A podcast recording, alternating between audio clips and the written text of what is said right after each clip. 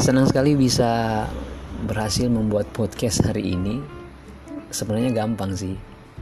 Tapi nanti saya akan bagikan kisahnya, testimoninya. Yang pasti podcast kali ini saya ingin berbagi tentang uh, tips bagaimana kita bisa berhasil. Dan kali ini podcastnya berdurasi satu menit sebagai perdana pemula baru belajar. Tapi pasti informasinya meskipun singkat tapi menarik, bermanfaat dan berkualitas. Layaklah untuk didengar, dijamin.